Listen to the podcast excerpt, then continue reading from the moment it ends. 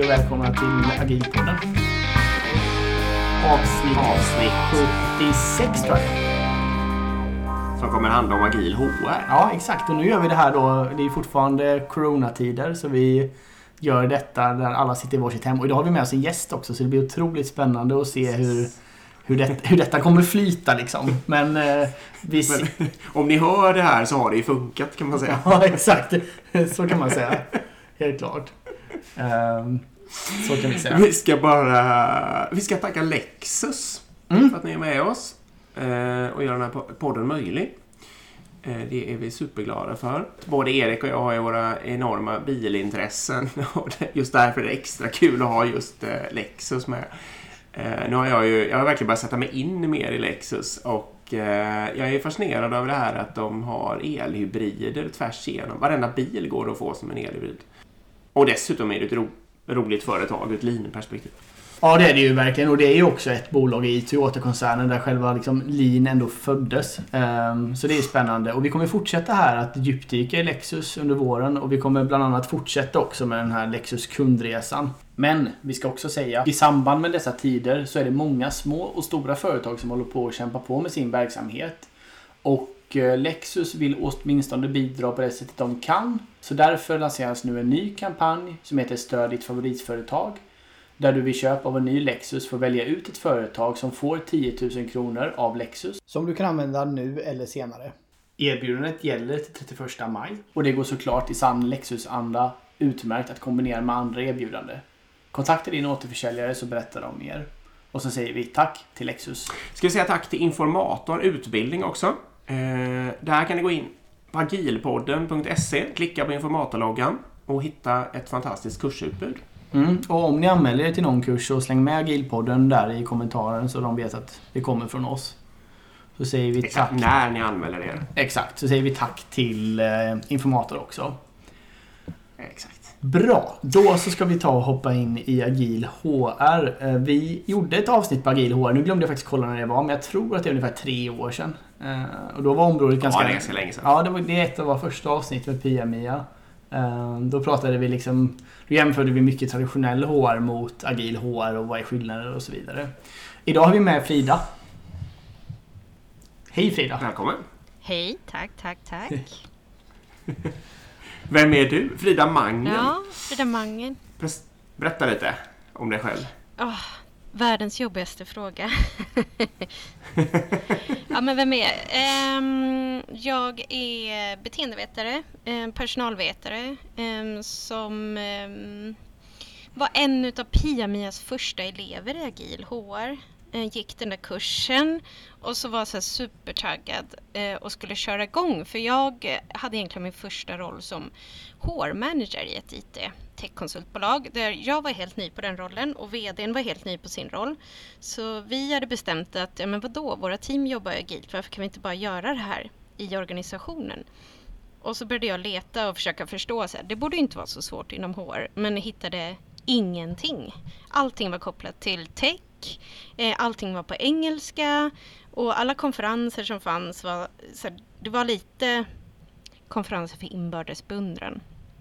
Eh, så, så jag gick Pia-Mias kurs och sen så började jag bara att testa mig fram. Och sen så har jag varit i min bubbla i väldigt många år när jag jobbade där i åtta år.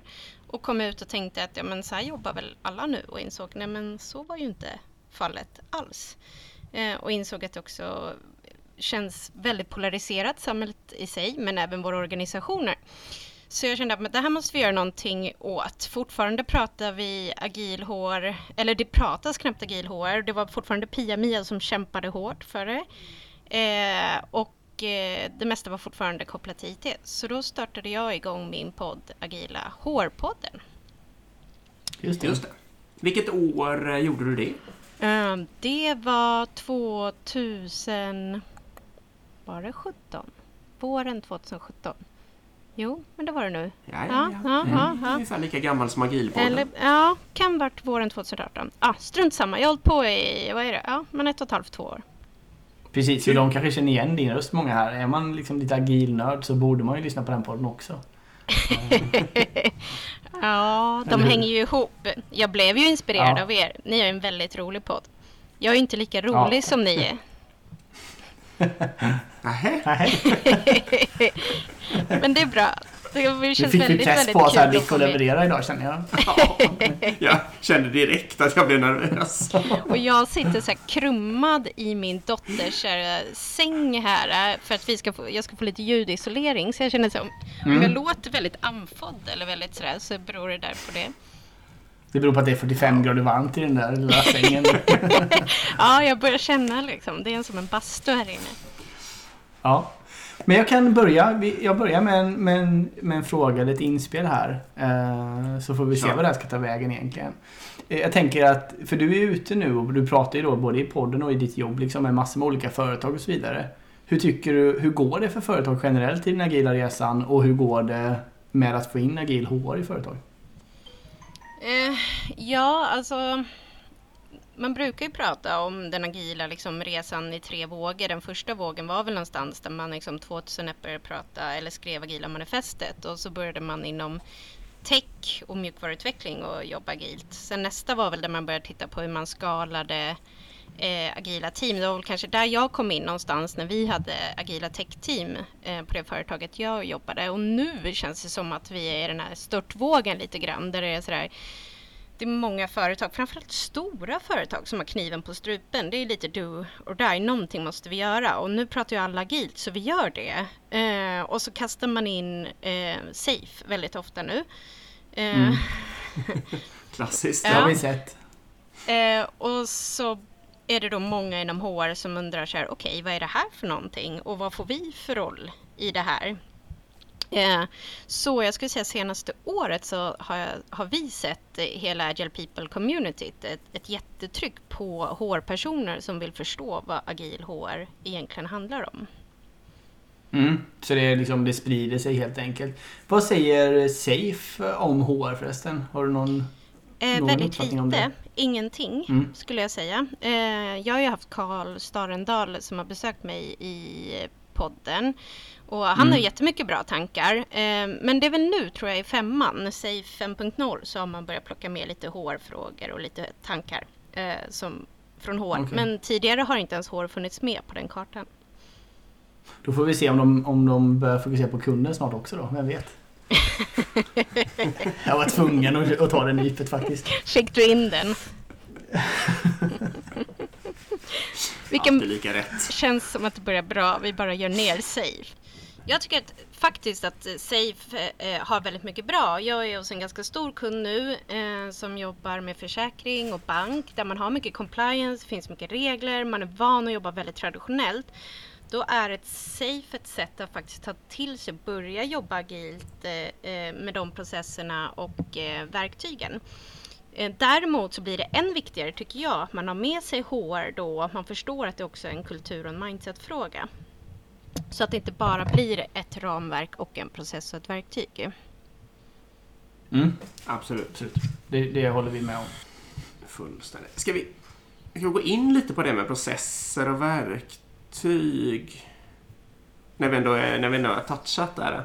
Är det, alltså min bild av HR är ju på något vis att eh, de, alla traditionella HR-människor älskar processer och verktyg. Eh, och att de har det som någon form av eh, snuttefilt eller liksom spiselkrok som de ska hålla sig i till varje pris. Och att det är en av de absolut största blockerserna liksom mot någon form av agil HR. Har du med om det? först? Ja. Mm, ja och nej. jo, men traditionellt sett har nog HR varit mycket processer och verktyg. Och det har också förväntats att HR alltid ska ha svaren. Eh, och nu är vi i en Ja, kontext där vi inte längre kan ha svaren, för det går inte, för att ingen har svaren. Och då blir det egentligen återigen en kultur och mindset-fråga att alla behöver ändra sitt mindset där. Vi kan inte förvänta oss alla svaren från HR heller. För det finns också en ganska stor förväntan från organisationen att HR ska komma och fixa och de ska ha svaren. Och då blir det lite eh, hängslen och livrem tror jag att hålla sig fast i de där processerna och verktygen. Mm, så det är förväntansbilden som gör att HR kanske upplevs som traditionell då. det blir liksom ett, ett moment 22 där lite. Att det finns mycket, det, för jag menar HR är ju mycket processer också, ska gudarna veta. Men, alltså det finns ju liksom löneprocesser, det finns performance management-processer och liksom det, all, de flesta företagen har ju de här processerna ändå. Uh, och sen så är det massor med processer för onboarding offboarding och ja, massor med olika HR-saker. Ja. Uh, så det blir, lite, det blir lite moment 22 i att HR sitter fast i många av de här processerna och samtidigt har de ett jättestort tryck på sig från organisationen för de också förväntar sig att de här processerna bara ska fungera. Och... Ja, men gör de det verkligen? HR ja, eller vilket? Ja, ni tycker det. Nej, men det där med att organisationen förväntar sig massa processer som känns som att de kommer från 70-talets begynnelse. Liksom. Är det verkligen sant? Men jag, nu ska jag sticka ut hakan. Ja, det är klart jag... jag Jag tänker faktiskt, eller vad jag ser, är att mm, jag gillar inte blame game eh, och jag gillar inte att polarisera. Men faktiskt så finns det, eh, och det beror nog också på att eh, chefsrollen och ledarrollen fortfarande är otroligt traditionell i vad man förväntar sig. Vilket gör att cheferna blockerar HR i ganska många fall. Om man tittar på de HR-organisationerna som vill jobba agilt för att mm. jobba. För att ofta får man tillbaka, nej men cheferna tycker att den här processen är bra. De vill gärna ha det här från HR. Och då brukar jag fråga, okej, okay, men vill medarbetarna det? Och det är inte säkert då? Nej.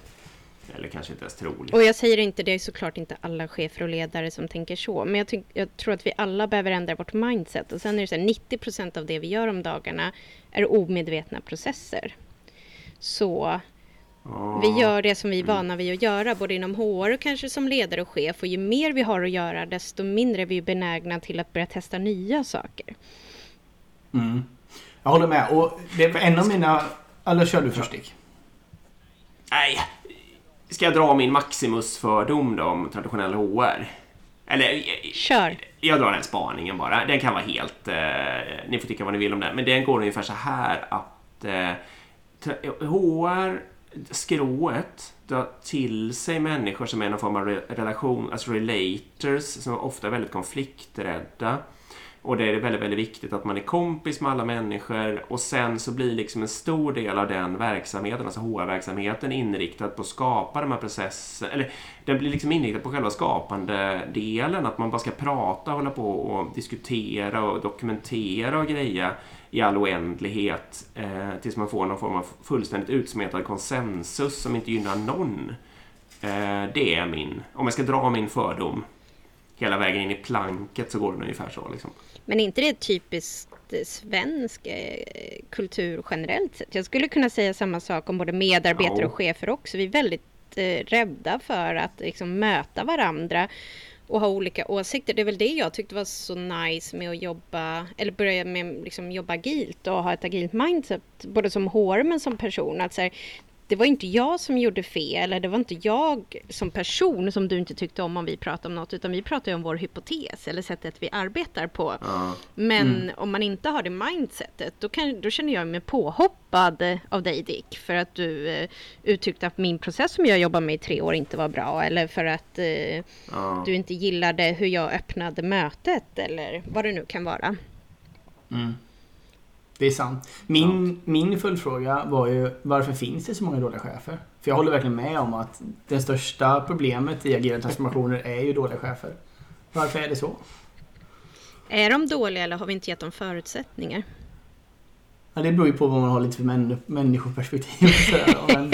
ja, men lite, lite fel drivkrafter och så är det väl. Det är väl inte helt ovanligt att det finns stor förbättringspotential även i hur de valdes. Men är det inte lite så, om man tänker Knevin, eh, och är det någon av er som orkar dra Knevin? Eller ska jag dra Knevin? Nej, jag vet inte vad ja, det är, så gör det. Ja men Knevin, det är ju Dave Snowden som har tagit fram den, alltså komplexitetsteorin. Han menar ju att vi ska fundera på hur vi löser problem innan vi börjar lösa dem. Har vi ett enkelt problem framför oss, det är stökigt i rummet, eh, där är det ett enkelt mm. problem. Eh, det finns en tydlig orsak-verkan. Varför är det stökigt i rummet? Jo, men vi, vi har inte städat på länge. Okej, okay, finns det en best practice? Ja, men det gör det nog. Det är att städa. Okej, okay, låt oss städa rummet. Eh, sen har du komplicerade problem där har du ett problem som du kanske inte riktigt eh, lika tydligt kan hitta lösningen på. Låt säga nu, eh, var det Lexus ni hade ett samarbete med? Mm. Mm. Ja. En bilmotor. Eh, min bilmotor strular på min Lexus. Nu gör det säkert Lexus aldrig det. Den är säkert utmärkt deras motor. Men eh, Mer sällan i alla fall. Ja. vi säger att den strular. Då kanske det är så att då behöver en tekniker titta på den. Kanske flera som behöver titta. Man behöver analysera. Eh, och det kanske finns lite olika lösningar på att eh, lösa mitt motorproblem. Och där finns det Ja. good practices. Eh, och genom att kanske tillsammans genom olika kompetenser titta och diskutera och analysera så kommer vi hitta lösningar. Eh, Ja. Sen har vi eh, komplexa problem. Eh, och där kan vi ju sitta ner. Vi kanske har analyserat ett problem på ett möte. Det här känner ni säkert igen. Vi har analyserat och analyserat och analyserat men vi kommer aldrig fram till någon lösning. Eller så börjar vi testa lösningar men de skaver. Och då är vi antagligen i en komplex domän eller har ett komplext problem. Eh, och ett komplext problem kan vi inte ha svaren på för vi vet inte svaret. Och det är också någonting som är ständig rörelse. Så vi måste börja testa oss Mm. fram och det är där agilt funkar så himla bra. Så vi jobbar hypotesbaserat, vi testar våra hypoteser och vi ändrar hela tiden vårt sätt att arbeta ut efter vad som händer och sker. Och sen har vi kaos. Då är det bara så här, då har vi inte tid att tänka, då bara börjar vi lösa på en gång och sen kan vi se vad hände och hur löste vi det. Så vad vill jag säga med det? HR traditionellt sett, eh, organisationer traditionellt sett är vana vid att lösa sina problem med best practice och good practice. Alltså på, om man nu vill kan man Mm. googla Knevin så då är det högra sidan. Eh, och det är där vi, våra chefer har blivit befordrade. Genom att de kanske är superduktiga eh, på komplex, eller komplicerade problem. Analysera på att se till att driva mot resultat och kanske är statusdrivna. Eh, och sen så helt plötsligt säger vi så här, nej men vänta här nu kära chef och HR och alla andra i organisationen. Vi befinner oss inte på den här sidan längre. Utan nu är vi ganska, i 99% av fallen så har vi komplexa problem framför oss. Så allt det ni har varit duktiga på, så som ni har löst problem, så som ni liksom har fått eh, status och liksom mått bra. Det funkar inte längre. Utan nu ska vi jobba agilt. Mm, en intressant teori. Ja, Bara för att vara tydlig mot lyssnarna nu. Du sa att en traditionell chef då ofta är van att eh, lösa situationen som om det vore komplicerade problem som den ställs inför. Men en modern organisation är ett, eh, det är ett komplext problem att, eh, att få den att funka bra. Liksom. Precis. Det var det du Ja, sa? Mm. precis. Ja, coolt. Sen är vi också, alltså vi vill ju, vi är programmerade, våra hjärnor har inte ändrats eh, på, vad är det, 45 000 år eller något så här. Sen vi var stenåldersmänniskor. Eh, och vi är också programmerade till att vi vill ha någon slags visshet över situationen för att vi ska veta var faran befinner sig eh, hela tiden. Ja. Och det där blir lite komplicerat då när kontexten och omvärlden har förändrats snabbare än vad våra hjärnor har gjort. Och när digitaliseringen går snabbare, när komplexiteten ökar, då känner ju vi att vi förlorar vissheten också. Och då är våra hjärnor Mm. programmerade att vi ska återfå kontrollen så fort som möjligt. Och då gör vi ju det med det vi är vana vid att göra och så som vi alltid har gjort. Och det är ju att lösa problem kanske med good practice eller best practice. Och då blir det genom att eh, liksom lägga till ännu mera eh, kontroll, policies, styrdokument, eh, uppföljningar. Och så sätter vi krokben på oss själva. Nu är du lite in, alltså det här med mänskliga drivkrafter och att människan gör det som känns tryggt för den snarare än det som egentligen vore bra och så vidare. Till exempel köpa en massa toapapper i coronatider eller något sånt där trots att de allra flesta människor egentligen kan tänka ut att det inte är någon bra idé. Exakt. Ja, och det är ett flockbeteende. Mm. Börjar det brinna i ett rum men så är det mer troligt att jag kommer ut om jag själv än om vi tre är i samma rum. För jag kommer börja titta vad ni gör Mm. innan jag tar ett beslut. Om alla andra köper toapapper då är det säkert så att man behöver köpa toapapper. Då ska jag Mm. också köpa toapapper. Precis, trots att man egentligen som intellektuell varelse kan tänka ut att det inte är någon superidé. Exakt. Men tillbaka till, eller jag håller, jag håller verkligen med, det är superspännande. Och jag, Ja, kör. jag tror också typ med just med chefer så känns det som att Eh, det är liksom många har kämpat traditionellt kanske många år för att bli chef och sen har de fått bli chef. De kanske vet suttit på samma jobb i 20 år och sen slutade chefen och så fick man liksom ett tillfälligt jobb och sen, eller fick testa det och sen så fick man det permanent. Liksom. Så då blir det liksom jobbet, uppdraget är liksom att på något sätt behålla det här jobbet eh, vad som än händer. Um, och då blir det också en rädsla att våga släppa kontroll och rädsla att våga göra nya saker och experimentera och liksom sådär. För då blir det liksom, det är hela tiden ett hot på att vänta då kanske jag blir av med mitt jobb om inte jag liksom anses som en bra chef eller jag inte följer det som ska göras och sådär. Och det är därför jag tror också många chefer hamnar i den här fällan att liksom fastna i dåliga processer och massor med dokumentation och så vidare. Det finns ju alldeles för många chefer som sitter och accepterar ekonomisk uppföljning som tar 50% av ens tid och sen massor med ark som ska fyllas i och planer och, och så vidare. Um, som egentligen kanske inte har något värdeskapande alls. Utan man bara gör det för att liksom, det gör man i den här organisationen och om jag inte gör det här mm. så finns det ju risk för att någon ser det. Ja. Och då finns det risk att någon ser det och då kanske jag blir av med mitt jobb och det vore det hemskaste i världen. Liksom. Så då jobbar man hela tiden mot en rädsla och då, det, det skapar ju kanske inte en superbra eh, miljö eller kultur eller eh, arbetsmiljö för gruppen. Nej, och sen så många chefer har ju hamnat i kläm mellan den nya världen och den gamla världen. Eh, och då tänker jag så här att eh, den nya världen, det är att vi säger eh, i våra organisationer att jo men eh, vi ska vara mer anpassningsbara, vi ska vara mer snabba, vi ska digitalisera, teamet viktigast, eh, vi, vi ska jobba med självledarskap och eget ansvar. Men alla processer och verktyg som vi har kvar, eh, de supporterar den gamla världen. Vilket mm. gör att det blir en artificiell kultur och mittemellan hamnar cheferna i det där. Precis, och då gäller det att våga börja hoppa över sådana traditionella dåliga saker som att följa en projektledningsprocess och så vidare. Och istället lita på att nej, men jag kan visa vad vi faktiskt levererar istället. Inte faktisk kundvärde kanske snarare än interna processer liksom. Nej, men jag tänker att HR sitter ju på så många av de här djupa strukturerna också i organisationen. Det är ju därför agil HR är så viktig. För att eh, kunna göra den här förändringen både som ledare, chef, eh, eh så behöver HR vara med här och förstå det här så att man kan supportera och vara möjliggörare i det här så att man inte blir flaskhals. Men hur tycker du liksom att man ska... Hur ska man få fart på den agila transformationen? Liksom? Eller ska man komma ur träsket? Vad är ditt supersmarta Oj. kokboksrecept? Jag tror, ja det är ju det som är så jäkla jobbigt att inte det finns. det hade varit så himla gött. Eh, men att våga starta litet eh, tror jag. För nu ser jag i de agila transformationerna, då slår man på stora trumman och så ska man liksom göra allting samtidigt och det är dömt för att misslyckas. Nu ska vi köra safe och vi ska ha tio tåg samtidigt, rulla ut allting. Um, mm. Mm. Att, att, våga, att förstå att det är människor det handlar om och det är kultur och det är mindset och att det tar tid att jobba med förändring. Så börja på liten skala och börja skala upp och våga göra fel och lära av misstag. Och få med alla delar i organisationen, få med HR, få med finans, få med stab, medarbetare eh, och tillsammans liksom driva det här. Det tror jag också på. Jag vet Niklas Modig, när vi hade med honom och pratade om lean just. Eh, då sa han ju också det inom sjukvården just att för då det har varit många försök att göra sjukvården mer lean också. Eh, och det har gått ganska dåligt för man har ju gått rakt på metoder då. Eh, och inte pratat så mycket kultur och sånt.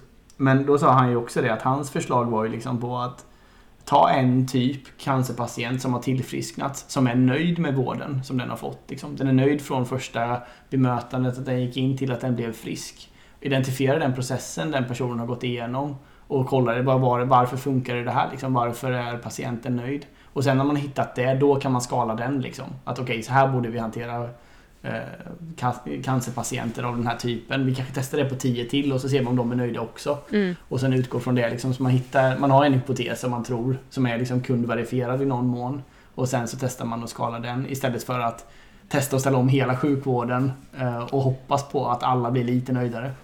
Ja, och sen också att det inte finns en one size fits all. Så bara för att det funkade på ja, men Scania eller på Spotify eller på ja, men var som helst så är det inte säkert att det funkar i min organisation. För jag måste liksom, vi måste anpassa det efter vår kontext, vår kultur, de människorelationer vi har och den bransch som vi befinner oss i. Eh, så Mm. att det finns inte ett recept. Det är väl också en sån sak. Eh, för att det blir väldigt lätt att man försöker copy-pasta hur andra har gjort. Mm. Och då är vi tillbaka till best practice och good practice igen. Du vet vad Pia-Mia säger om eh, best practice? va? Ja, vad säger hon? Att det är förkastligt. Nej, nej, nej. det var inte det. Det var inte det hon sa då. Nej, då sa hon så här förresten. Eh, det är bara mediokra företag som håller på med best practice. Ja, men det är väl det som är skillnaden med mig och Pia-Mia. Pia-Mia vågar sticka ut mer än vad jag gör. Jag är nog lite mer eh, kanske subtil där. Det är bra. Det är därför hon liksom...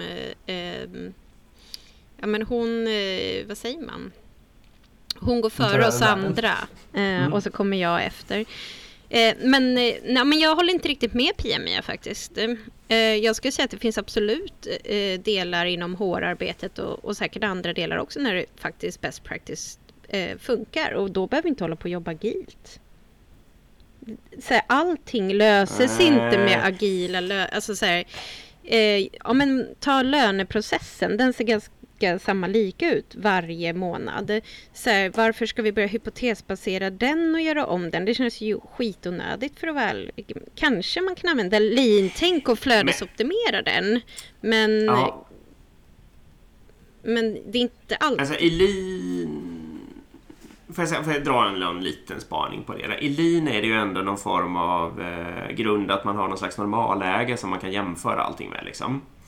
Eh, och, men jag menar, jag, vad jag stör mig på är väl just det här om man pra, pratar om best practice. Då antyder man, det driver liksom fram beteendet att man ska tänka ut det bästa som existerar och sen ska man låta det vara så till evig tid. Liksom.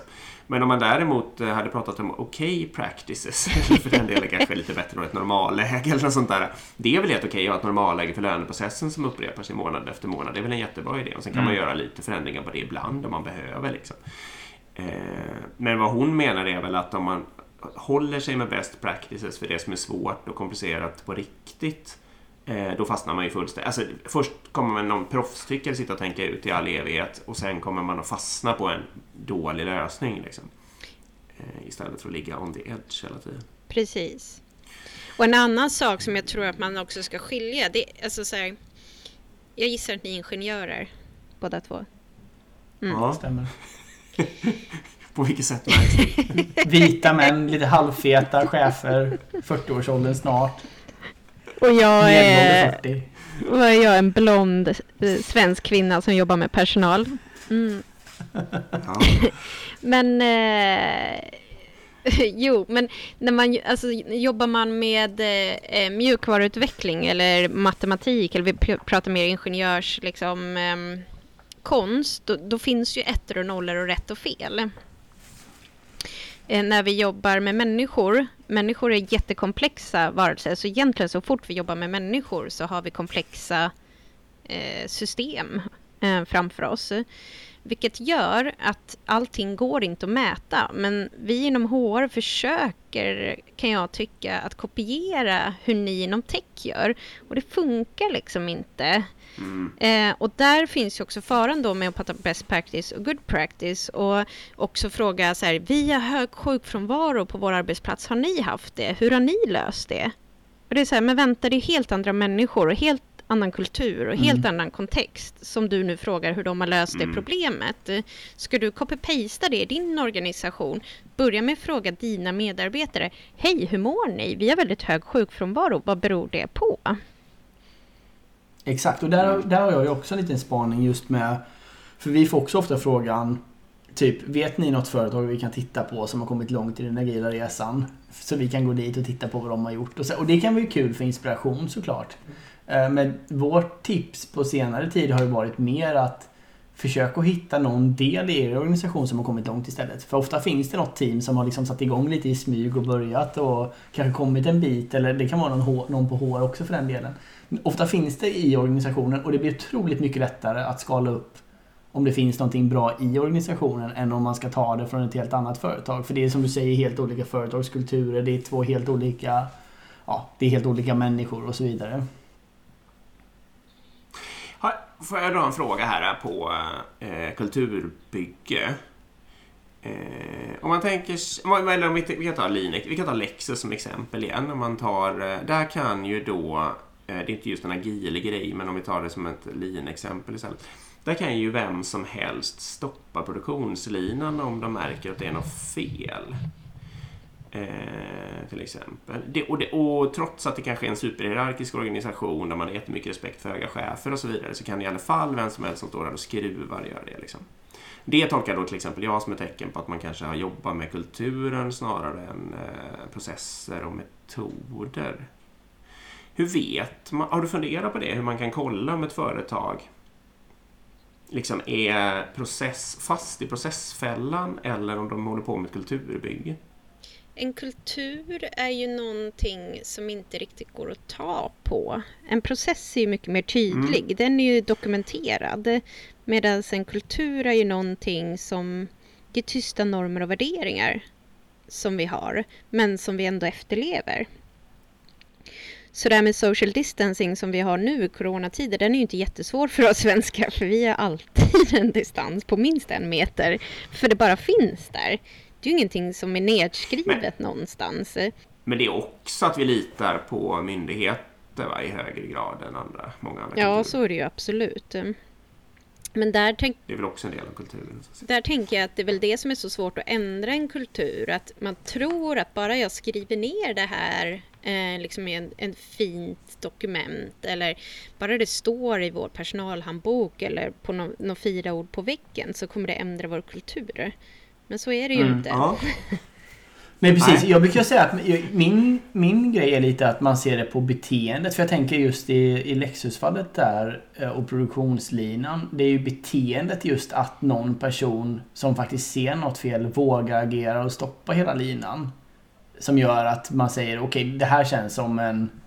Eh, som att då har ju kulturen lyckats i någon mån. Så om, om, om beteendet är rätt efter ens värderingar och principer fast det kanske då för individen är en stor risk. Liksom. Då, då, det kan ju verifiera ett kulturbygge i någon mån, att man har kommit en bit på det. Mm. Och kulturen där blir ju, nu tänker jag väldigt högt här, men kulturen blir ju, det kanske är en process på ett sätt att all, vem som helst kan stoppa eh, produktionen. Men kulturen blir ju när, varför gör man det? Vad är syftet med det? Mm. För jag tänker en mm. process mm. eller verktyg det är ju så här, eh, jag vet att Björn eh, Sandberg som jag jobbar eh, mycket med, han brukar ju säga det här att ja, men en mördare med en kniv eller en läkare med kniv, det är ju vad man har för intention. Vad man vill göra mm. med kniven och det är väl likadant med en process och verktyg. Det är ju liksom vad, vad är det för beteende eller kultur vi har eh, för att använda eh, kanske då eh, den här processen. Precis, hur gör man då om man vill göra ett kulturbygge? Om vi, nu sitter vi här, nu har jag, jag har anställt er i mitt företag här. Ni sitter i min ledningsgrupp och vi är 5000 personer liksom. Uh, och vi jobbar supertraditionellt och folk är, det finns ingen safety fail-kultur och folk är ganska missnöjda på medarbetarundersökningar och sådär. Hur, hur, sätter vi igång med... Alltså vi kan ju såklart börja prata agila principer och liksom börja införa metoder och börja styra på det. Men hur, gör vi, hur, hur sätter vi igång ett kulturbygge?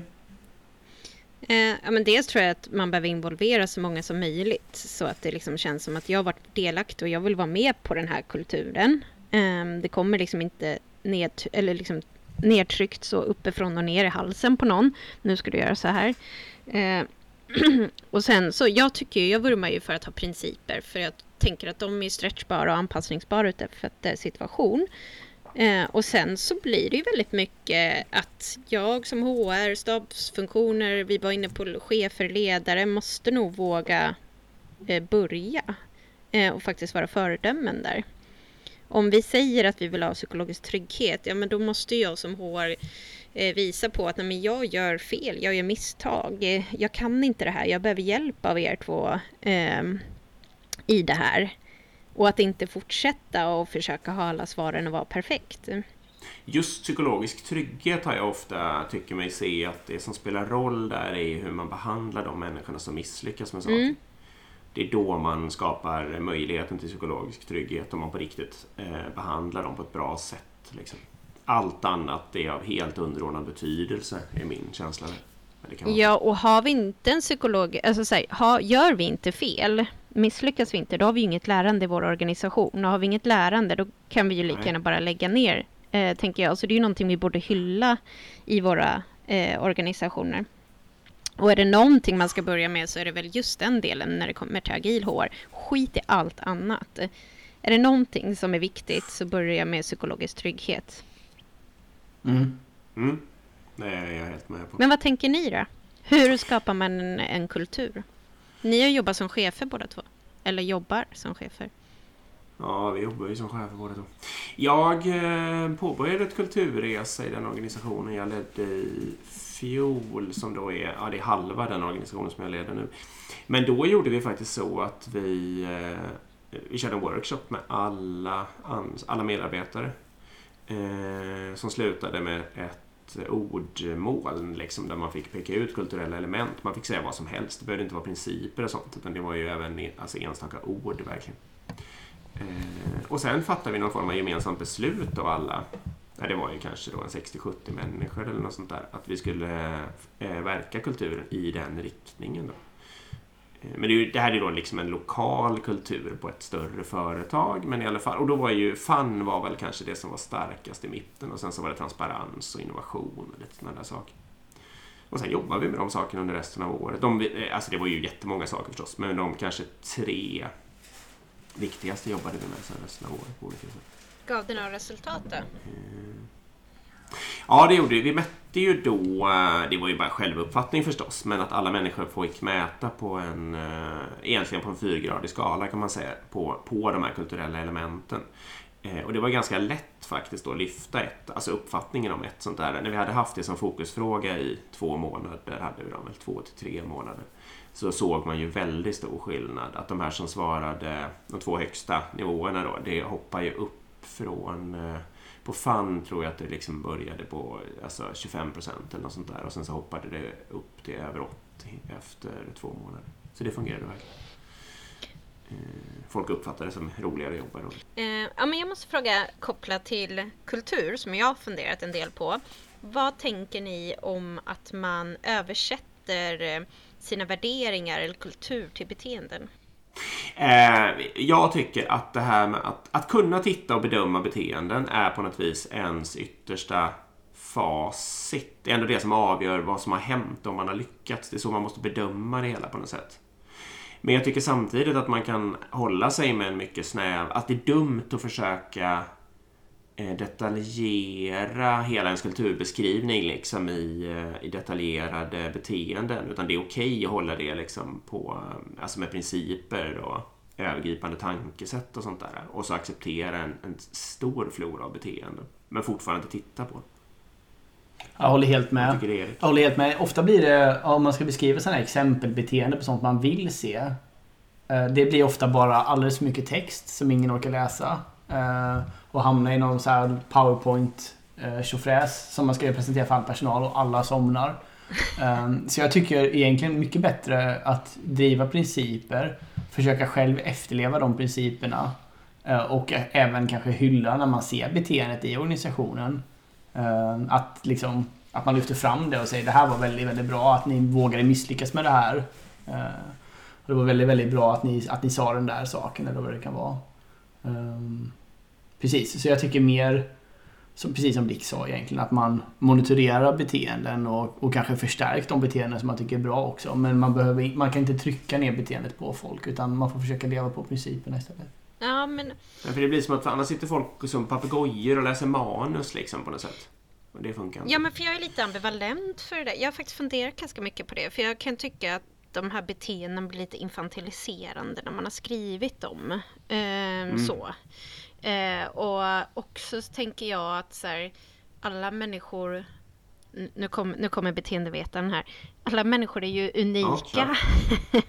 och ingen, an, ingen människa är ju den andra lik. Därför vill vi ju liksom låta varje individ nå sin fulla potential. Och då blir det ganska inskränkande för mig att någon berättar hur jag ska vara och hur jag ska bete mig. Utan jag blir ju Ja, men lite som vi skojar om med våra poddar, att så här, det är ingen idé att jag försöker vara rolig om jag inte har, alltså om inte jag är världens liksom, skojfriskaste person så kommer det bara kännas superartificiellt att jag försöker vara rolig. Däremot kanske jag kan skapa en bra Mm. podd på andra sätt genom att bidra med det som är mina liksom, styrkor. Och så tänker jag också, för ofta så översätter man kanske beteende när det kommer till ledare och chefer eller också medarbetare, men om vi nu tar ledare och chefer så blir det så här, inte bättre att varje eh, chef får liksom hitta sin liksom, inre potential och bli den bästa liksom, ledaren Jo, utifrån sina egna. Men då kanske man har principer och annat som då kan... jo. Exakt, jo men jag håller med. Och risken är också att styr man på beteende så tappar man ju hela diversity-frågan. Jag vet, eh, jag hade ju förmånen då att ha Dick som chef ett tag i min karriär. Eh, Just det. och eh, just det, det var tider det. Det var tider det. Det var glansdagen. det var glansdagen. Nej, men då Då hade jag, vi högt tempo kan jag säga. Ja, det, här, det kan man Ja, säga. Då- Då var en, en princip du hade, kommer jag ihåg, som jag eh, faktiskt har snott med mig i mitt ledarskap väldigt mycket var eh, en 80-20-regel. Och det var ungefär att jag ska göra 80%, 80% av det jag genomför liksom, i form av förändringar och nya saker och så. Det ska vara saker som jag tror att du backar eller saker som, du, som är i den riktningen som vi går i, som du liksom tror, som, jag, Ja. som jag tror att du tror på. Men 20% av det jag ska göra ska också gå i motsatt riktning. Eller det får göra det liksom. Ja. och det har jag testat också då att använda som, det är ju bra princip då tycker jag att använda i just ledarskap. Att liksom majoriteten av det ni gör, mina team gör, vill jag ändå gå i, min, i det liksom som jag tror på. Uh, vilket då kan vara till exempel agila principer, agila värderingar och sådär. Men 20% spelutrymme finns det för att göra saker som är precis tvärt emot. Och där har vi, vi har ju exempel på det Dick, både du och jag i vår karriär där folk har gjort rakt emot vad vi tror på. Ja, Ehm, jo, det händer ju. och det kan till exempel vara att, att ta in en konsult, så vi tycker, kanske man tycker är helt fel för det är jättedyrt och det kanske inte behövs utan man tycker man ska försöka anställa istället. Eller det kan vara att man vill skapa ett nytt team som ska ha ett fokus, till exempel ett testteam som kan vara så här, ah, det tycker jag är dumt kanske. Men eh, om liksom min medarbetare verkligen tror på det så kanske de får testa det ett tag och testa den hypotesen hela vägen ut och sådär. Ehm, Ja. och, eh, och jag menar, så är det, ibland har vi ju haft rätt liksom. Eh, och sagt nej det blev fel. Ja, Men det har ju också hänt precis tvärtom. Att man själv blir motbevisad Ja. och så har det funkat jättebra liksom. exakt. Men inte det ett väldigt bra sätt att utmana sina biases? För man sitter ju med Jo. supermycket biases Jo. och om man Precis. inte låter sig utmanas så kommer det bara bli så som man själv tycker och tänker. Och det är ett stort problem Ja, också verkligen. med chefer idag. För jag menar, de flesta rekryterar ju folk som tycker precis som en själv. Eh, Det är så man värderar hur bra en människa är också. Så då blir det lätt att man sitter och rekryterar en kopia på sig själv utan att man inser det riktigt.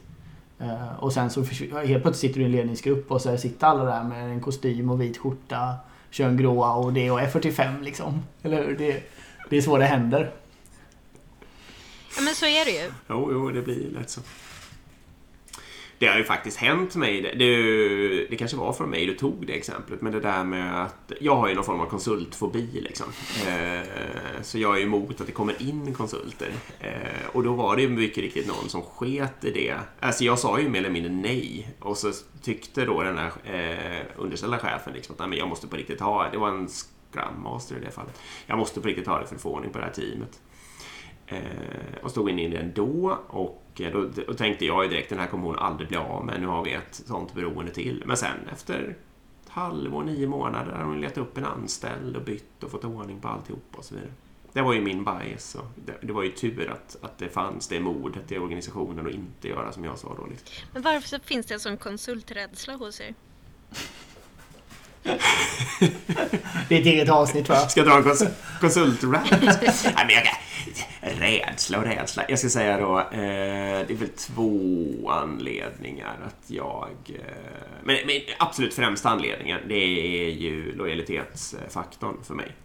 Att en konsult har, just om man vill ha en organisationskultur, om man vill att människan ska leva i den och verka för syftet med hela organisationen och företaget, så ska man inte ta in människor som har det gentemot två eh, företag eller organisationer, tycker jag.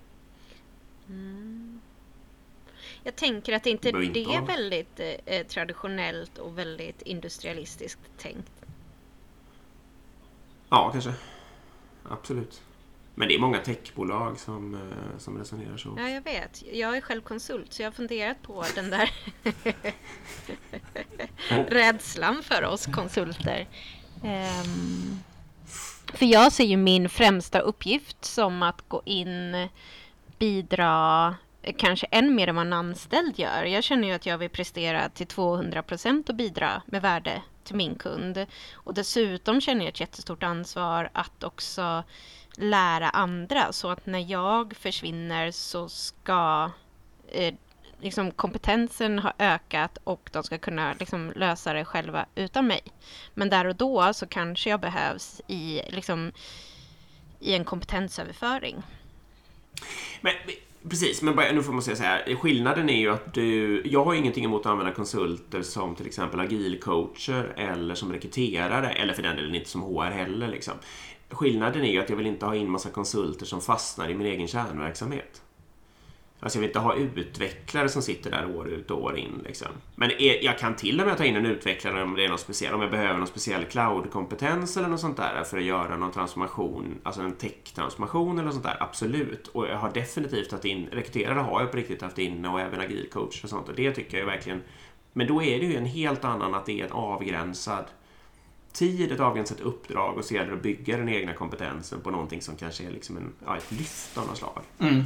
Men så tror jag vi måste börja jobba mer och mer framöver, även med anställd personal egentligen. För eh, jag håller med dig Dick också i att det, det, blir risken med konsulter, speciellt om man ska vara någon som systemutvecklare, det är att ofta sitter man på ett komplext system så själva onboardingprocessen är väldigt lång. Det är liksom ett halvårs ibland ett års tid innan man producerar fullt värde. Ja. Och att då onboarda en konsult i det, det, det, det är jättedumt att göra det kortsiktigt. Utan det blir ganska långsiktigt. Det kan bli 3, 5, 10 år liksom många gånger. Eh, och då håller jag med dig om att sitter man då på ett team helt plötsligt som varav hälften inte är anställda och egentligen har sin lojalitet till sin konsultfirmas kultur och sånt så kan det bli rätt svårt att skapa ett högpresterande team av det. Ja. Um, men däremot, precis som du säger, vid, vid tillfälliga kompetensöverföringar eller sådär så då är det då är det ju väldigt bra medel. Och det är också, man ska inte glömma den ekonomiska faktorn i det också. Att man har en flexibilitet i sin organisation att kunna skala upp och ner när det händer saker. Ehm, det är också en, liksom en plussida på, eh, på konsultsidan. Men det finns risk med konsulter, det, så är det. Det tror jag också, men jag tror också att vi behöver våga tänka om. För egentligen visar ju alla undersökningar, om man tittar på dem, att ja, men, sättet som vi anställer idag, eh, alltså vi pratar giggare, vi pratar att folk mm. vill ha olika anställningsformer. Det kanske inte blir så viktigt just den delen, blir viktigare i så fall eh, just liksom runt eh, vad man har för drivkrafter och vad man kan bidra med. För det kanske är så att en konsult till och med är mer lojal och jobbar längre än vad en anställd gör. Ehm, mm. Nu vet vi Nej, inte. Med. Nu går vi mot en lågkonjunktur så det kanske kommer ändras. Eh, jag är helt säker på det. Men ehm, som det har varit i alla fall. Mm. Jag håller med och uh, jag, jag, jag känner ju också det att jag vill inte ta ett jobb uh, där jag känner att jag måste committa min alltså, tio års tid eller hela min karriär. Liksom. Det är inte jag ett dugg intresserad av. Utan jag vill ta ett jobb där jag kan få ett ganska tydligt mål på att så här är situationen idag och så här vill vi att det ska vara. Vi vill skala den här organisationen, vi vill få den effektivare, vi vill att människor ska må bättre eller vad det nu är liksom. Uh, och sen vill jag jobba med det, försöka nå det målet och sen när jag når det målet så är jag ganska sugen på att göra något annat. Och det vill jag ju vara öppen med. Jag vill liksom inte sitta och lura min organisation och min chef att här sitter jag nu och ska jobba här hela mitt liv liksom. Utan snarare tvärtom, jag är här på ett, på ett uppdrag liksom, precis egentligen som en konsult. Men jag tar anställning på, på företaget. Så det tror jag också är en framtidsgrej. Jag tror, jag tror att det kommer bli väldigt svårt att få människor att liksom committa och anställa sig i ett bolag på en lång eller oändlig anställningsform liksom framtiden. Mm.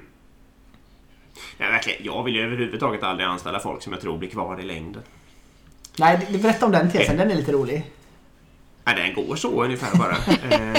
när jag letar folk liksom, till vad som helst så vill jag inte... Då letar jag efter människor som jag tror att jag kommer bli av med efter några år. Liksom. Sen är det klart att om någon så här, alltså vill nörda ner sig eller, eller tycker att det är jätteroligt och liksom vill bli mer och mer expert på någonting så absolut är det okej. Okay. Men, men jag vill liksom inte ha folk som känner oh yes, nu fick jag det här jobbet, nu ska jag sätta mig här på den här bänken till evig tid liksom och mysa eller casha in den här lönen eller liksom Man vill inte ha Jag vill ju verkligen ha folk som vill lära sig något och komma vidare. Man vill inte ha happy sleepers. Det är väl det man är rädd för. Däremot Nej. om någon gillar Verkligen. att puttra på och tycker att det är bra och ändå liksom levererar så är väl det fantastiskt härligt också. Absolut. Absolut. Va, ska, ska vi dra någon sån här klassisk... eh, Har du någon syn på performance management till exempel? Oh, den brasklappen. Eh, ehm, ja, eh, till att börja med så måste man koppla bort lärande från eh, prestation och lön tror jag. Det är väl det viktigaste tänker jag med, med performance management. Men det är okej att hålla ihop prestation, prestation och lön var en och eh, lärande en annan liksom. Och så ska man dra isär dem. Ja, jag tycker i alla fall man kan börja där. Eh, idag så har man ju kopplat ihop eh, och det där tycker jag, det gör man ju så tidigt. Det gör man ju redan i skolan. Min, eh, eh, jag har en dotter som går i skolan. Och det är ju jättetidigt som man lär sig att så här, jag gör läxan, jag får ett antal rätt på provet och så får jag liksom en stjärna eller ett godkänt eller ett betyg. Alltså vi kopplar lärandet. Jag tänker jättemycket på det så här, med, med, ja, med mina barn. Liksom, så att, eh, hur skapar jag ett lärande så att de tycker att lärande är någonting lustfyllt? Någonting som jag vill göra, något som kommer från en inre drivkraft och som jag vill lära mig mer av. Och så här, fan vad coolt, nu lärde jag mig det här. Det var en häftig känsla istället för att bara koppla ihop det med yttre belöning. Som all forskning eh, säger emot det. Att det är ju inte det som Mm. driver liksom, inre motivation och lärande. Så varför håller vi på med det när, när det är bevisat att det inte ens funkar? Det är återigen, då är vi Nej, tillbaka till Det det är här med att det är kontrollfunktionen. Liksom, att vi vill kontrollera och vi vill öka prestationen i organisationen och det gör vi genom att ha kontroll. Genom uppföljning och liksom... Men- så frågar du mig så är performance manager, alltså jag får, det går ju kalla kårar längs ryggraden bara jag hör ordet. Och det, och det andas ju liksom att man är ute efter att individ ska prestera, man ska mäta individens prestation och så vidare. När allt jag vill liksom är att få en teambaserad eh, prestation och att teamen blir smartare och smartare och snabbare och snabbare och kommer tajtare och tajtare liksom. Och det finns ju ingenting i performance management som brukar fokusera eller mäta upp det överhuvudtaget. Jag skulle säga att eh, alltså, innan jag blev agil så, så var jag en typisk HR-person som hade en otroligt stor rädsla. Jag var så superprestationsprinsessa, eh, har varit hela mitt liv, duktig flicka och så här. Och det var egentligen när jag eh, liksom kom in i det agila mindsetet och insåg att så här, folk tycker om mig för den jag är. Jag får göra fel, jag behöver inte kunna allting. Det är helt okej. Jag kommer inte bli av med jobbet för det eh, som min lärandekurva verkligen gick spikrakt uppåt och som jag började så här, utmana mig i saker som jag Mm. aldrig skulle Mm. göra annars. Eh, så att vill man verkligen liksom hjälpa människor att nå eh, sin potential och, och liksom lära sig nytt och utvecklas, då behöver vi plocka bort eh, det där med liksom lön och prestationsmomentet. Det blir ett mer ett resultat av, av att vi lär oss utvecklas. Ja, vad tycker du om löneprocess då? Liksom?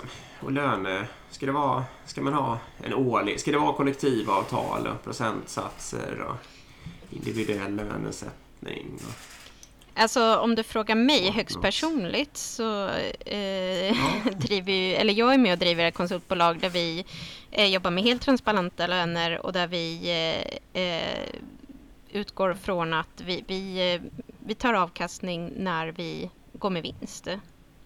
Och då bestämmer vi vad vi vill göra med den avkastningen. Eh, ja, tillsammans? Det funkar ju nu Mm. när vi är Då är små. ganska få. Ja, då är vi ganska få. Ja, exakt. Men jag tror mer på en, liksom, en någon slags ja, men, vinstutdelning när det går bra för företaget. Eh, förstår inte riktigt egentligen den här traditionella löneprocessen med någon procent per år. Och jag tror ingen är nöjd med den processen. Så här, det, det är otroligt mycket jobb bakom hela löneprocessen, eh, alltså den fackliga eh, processen. Ja, Och sen Mm, ligger det ja. jättemycket jobb från chefer och från HR för extremt lite pengar och sen är det typ så här ni- ni- Ja. 90 procent är missnöjda med vad de får i lönekuvertet. exakt. Alla blir Ja. arga. exakt. Så, så här, jättemycket jobb kostar jättemycket pengar och ger väldigt lite värde om man nu tänker värdeskapande aktiviteter. Ja, Mm. Ja, jag håller med. Eh, Så är det verkligen. ganska sant. Det var, det var ett ganska bra sätt att uttrycka det på. Alltså man lägger ner absurda mängder energi och jobb för att göra alla arga eller missnöjda. eller nästan alla arga och missnöjda. Sen har jag liksom ingen... Jag eh, certifierar ju agil HR och så brukar vi komma till lön och belöning som sista block. Och då har folk suttit och väntat på att vi ska ge liksom, nu får vi lösningen på hur det ska gå till när man Mm. jobbar i en agil organisation. Och så ger vi inte den. Det är sån jävla besvikelse. Det kan jag förstå. För jag tror inte att det finns.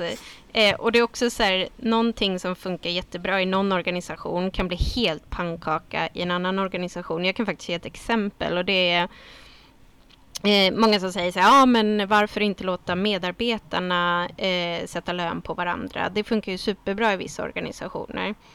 Eh, Och eh, i min förra organisation när jag hade lämnat den så testade de det för den var en väldigt agil organisation där man tänkte att nu är vi mogna för det här och det blev verkligen bara plattfall, pannkaka. Man var inte alls, det var inte alls, de var inte alls där, det var, funkade inte med den kulturen. Vi hade väldigt familjär kultur och liksom det var väldigt så här, äh, ja men alla tog hand om varandra, man, man liksom hade liknelsen om att man var en stor familj. Och då blev det så här, men ska jag Ska jag bestämma lön på mina kompisar? Det vill inte jag göra. Då helt plötsligt har vi skapat ett power distance mellan oss. Och, ja, det, blev, det blev jättejobbigt. och Det var många som slutade. Som tur var var inte Mm. jag kvar. Jaha. Eh, ja. Men, av den anledningen? Så jag tror så här att för att det funkar i någon organisation, återigen det finns inte best practice och good practice och sen också vart är man mognadsmässigt och så måste man utgå från återigen det som våra hjärnor är programmerade för, rättvisa. En upplevd rättvisa är så superviktigt. Så att försöka skapa någonting där så många som möjligt tycker att det här känns, eller upplevs i alla fall så rättvist som möjligt. Och det kan ju vara olika från olika kulturer och organisationer. Ja. Men du hade någon take på det här också med eh, digitalisering och AI och så. Eh, är, det, är det bara av godo eller? Inte alls ledande fråga. Nej, inte alls. Ju, ju mer desto bättre. Exakt. Är det så? Nej, men jag tycker vi har någon övertro.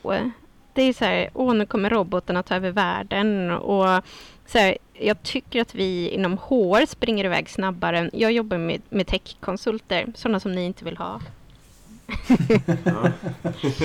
Eh, och um, jag ska säga att de är mer skeptiska till big data och AI och liksom, än vad vi inom HR är. Vi kastar oss in i det där liksom, med öppna armar och det är väl bra. Men jag tycker det finns en väldigt stor etisk fråga i det. Eh, och eh, jag tycker också att man bör komma ihåg den första agila värderingen, människorelationer före processer och verktyg. Så här, ska Ja. vi jobba med digitalisering, ska vi jobba med AI, vilket jag tycker är fantastiskt bra, men då ska vi göra det för att det ska supportera människor och relationer så att vi kan ha ännu mer eh, samarbete så att människor kan jobba bättre och att det skapar värde och inte fokusera på liksom, digitaliseringen och AI först och sen försöka trycka in det bland man, människorna relationerna. Eh, jag eh, har funderat mycket på den här um, Tengai, den här rekryteringsroboten. Eh, den är väl en... Mhm, Säg. Eh, ja men eh, eh, nu ska vi se, det är... Ja, vad heter de? Eh, de heter ju någonting. Alltså den samma som har tagit fram Tengai. Det ska ju vara en värderingsfri robot, eh, en AI, Mm. som eh, ställer intervjufrågor. Mm. Ja. Och då menar de eh, som har tagit fram den och de som är positiva till det här och jag säger inte att inte jag är positiv, jag bara funderar runt den. Ehm, eller nej, jag är nog inte så positiv. Ehm, Nu kom din Pia-Mia-sida fram Ja. här. Lille. Yes. nej, men det, den. det är väl för att vi är olika som personer, tänker jag. Men eh, vissa kommer nog tycka att det är fantastiskt bra att så här, jag får träffa en robot eh, som jag kommer svara på frågor. Eh, och då kommer jag känna mig rättvist bedömd. Mm. Ja.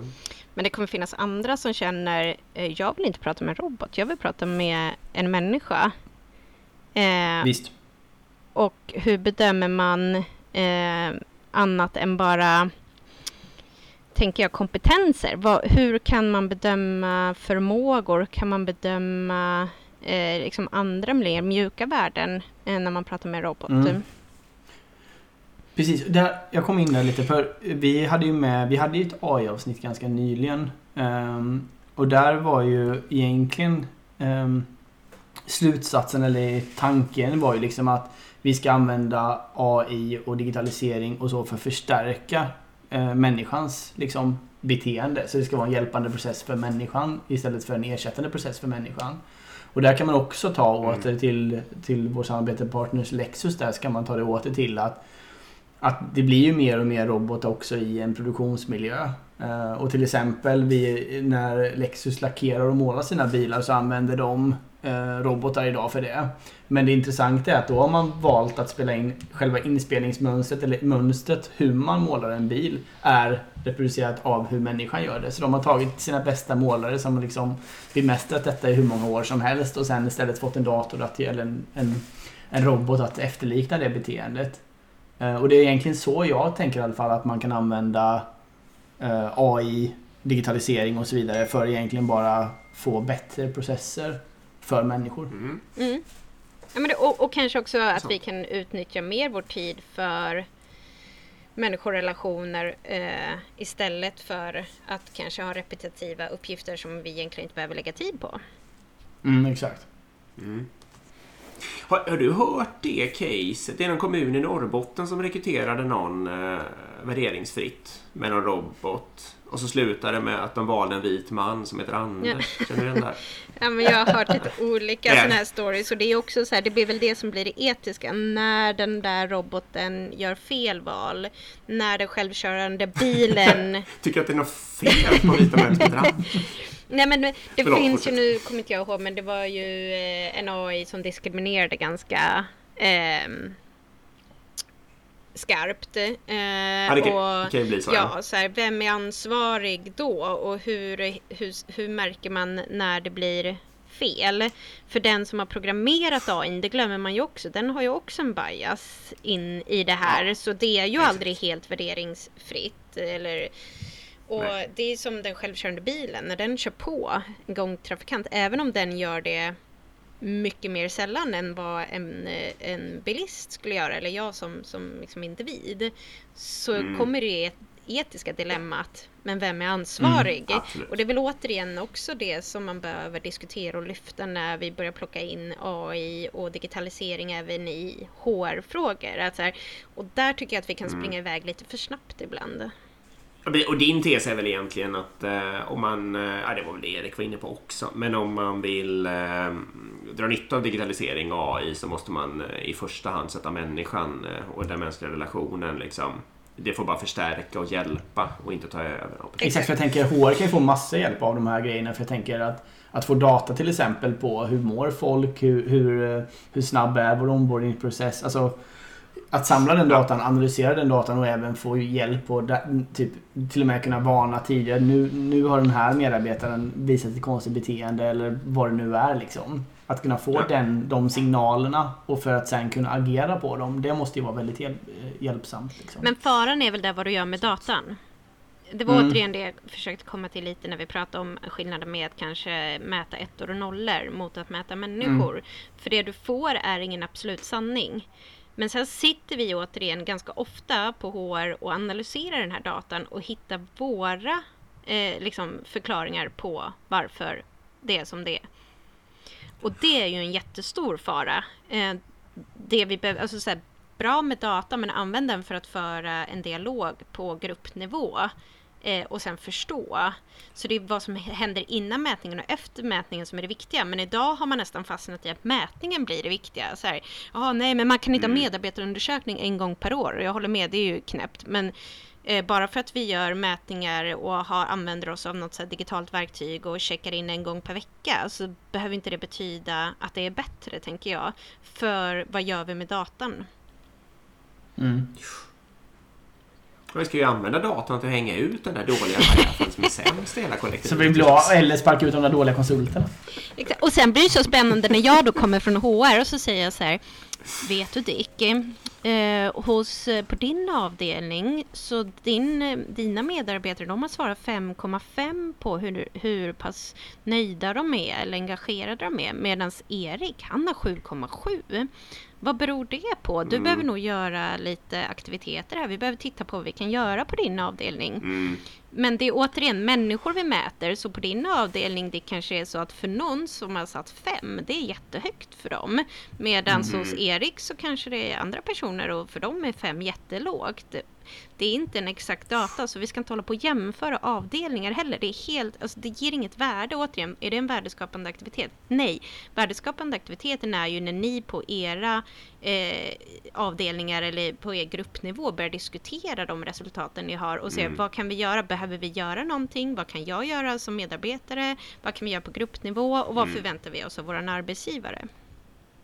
Det är bra poäng. Ja, jag, tror, jag tror, jag menar för mig i alla fall, det är lite lätt för mig att fastna i det här som du säger med eh, sanning eller icke sanning eller ett eller nolla.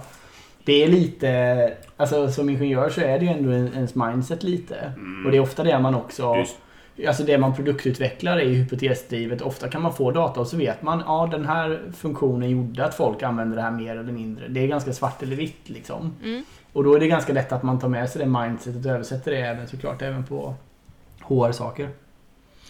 Du är väl ganska tävlingsinriktad också så det är lätt liksom att snöa in på det och ja, Absolut. Så man får såna där poäng liksom. Mm. Absolut. Väldigt sant. Vad hette det? Vad är din eh, bara framtids... Ska det fin, finns det HR-avdelningar liksom i den agila perfekta framtiden? Eller vart, vart är vi på I väg? den perfekta världen så behövs inte HR. Men jag tror att vi, vi lever inte i en perfekt värld och kommer aldrig göra det. Därav kommer HR alltid behövas. Men kommer det vara så här, ska det finnas en speciell HR, ska det finnas en central HR-avdelning liksom? Eller ska alla medarbetare själva sköta sin egen HR? Eller ska det finnas massa chefer som sköter sin egen HR? Eller vad är det liksom, vars, hur kommer det se ut? Eh, jag tror nog att vi behöver förstå att alla eh, har ett ansvar för HR-frågor. Att det blir väldigt lätt att HR blir en slasktratt och det är det vi behöver ta oss ur, alltså ta oss bort från. Sen kommer det Ja. alltid finnas uppgifter som någon behöver göra eh, inom HR. Men sen så tror jag ju också mer, liksom, vad är det man kallar det för i lean, när man går ut på golvet? Ehm, Ja, du menar på något fint japanskt Ja, men vet precis. att Go and see skulle jag kalla det. Ja. Ja. Gå och se med dina egna ögon för att förstå. Ja. Eh, Ja. och det tycker jag ju att vi på HR skulle behöva få eh, göra mer och få vara mer Eh, alltså kunna jobba mer proaktivt än reaktivt. För nu sitter vi ju liksom hela tiden reaktivt och kommer inte ut och, och har väldigt svårt att förstå vad som skapar medarbetarvärde och medarbetarnytta. Ja, men du tycker ändå att det, ska fin- det kan finnas en HR-avdelning men man ska komma närmare det som man faktiskt eh, stöttar liksom. Eh, och få fler människor att jobba med HR-frågor och förstå dem. Ja, och förstå. Jag tror också att många inom HR har, alltså vi har, vi har fått kämpa, vi har en högskoleutbildning och det, är så här, det är inte bara att vi har liksom läst ett kapitel om, om liksom psykologi och sen så har vi vår liksom examen utan vi är ganska, vi är liksom en, en högskoleutbildning och vi har fått slåss för att få tagit oss in i, i ledningsgrupper och liknande. Därav har vi, ibland kan jag tycka polariserat lite för oss själva, att så här, det här är en HR-fråga och det är viktigt att HR driver det här och då polariserar vi själva, att så här, vi behöver inte äga HR, vi kommer få finnas ändå och det är återigen det här agila i det, det är helt okej.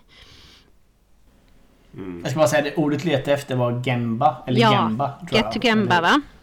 Mm. Exakt. Det är när man helt enkelt går ut i, man går ut i produktion och tittar med. Även som ledarskap och så vidare så går man ut och pratar med alla som jobbar och man, man går ner till själva problemet och ser det själv. Liksom. Mm. Man tar det inte via 15 miljoner managementnivåer. Liksom. En annan fråga som är lite så här. Egentligen, teoretiskt borde ju en HR-person vara jävligt bra chef. Mm, det tror jag också.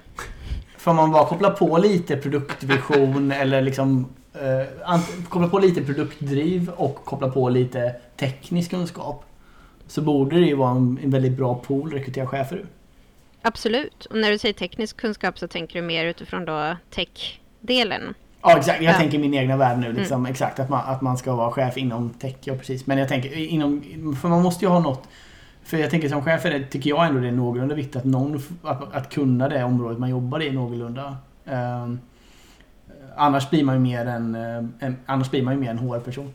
Men för Så att som bara, för att vara riktigt, eh, för att vara riktigt self-hugging i det här då, så kan man ju Ja. säga, jag har ju varit både chef och HR och jag tycker att jag har en väldig fördel att ha arbetat som chef när jag jobbar med HR-frågor. För att jag har Mm. väldigt lätt, tycker jag själv, att sätta mig in i hur det är att vara i chefs, eh, liksom, hatten mm. och rollen. Men jag tror lika, likväl att en ledare eller chef också skulle kunna bli en bra HR-person. Ja, det håller jag med om också. Och det, det är intressant för det utbytet ser man aldrig.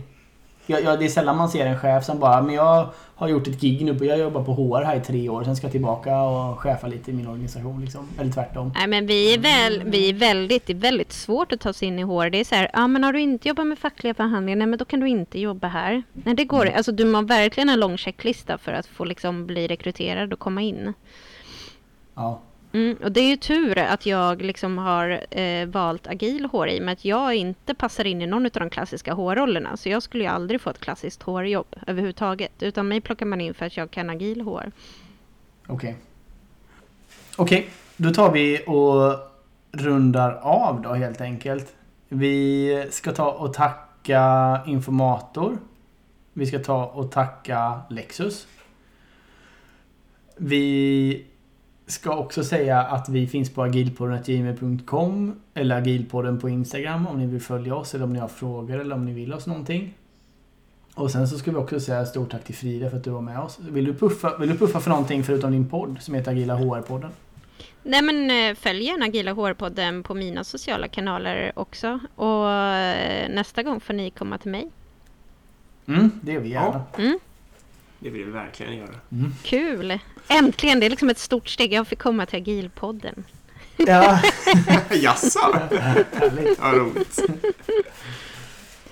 Okej, ja, men då säger vi tack så mycket då helt enkelt. Ja, Ja, tack till alla som lyssnar också. Ja, det är verkligen. Bra. Vi hörs. Hej hej. ha det bra! Vi. Hej.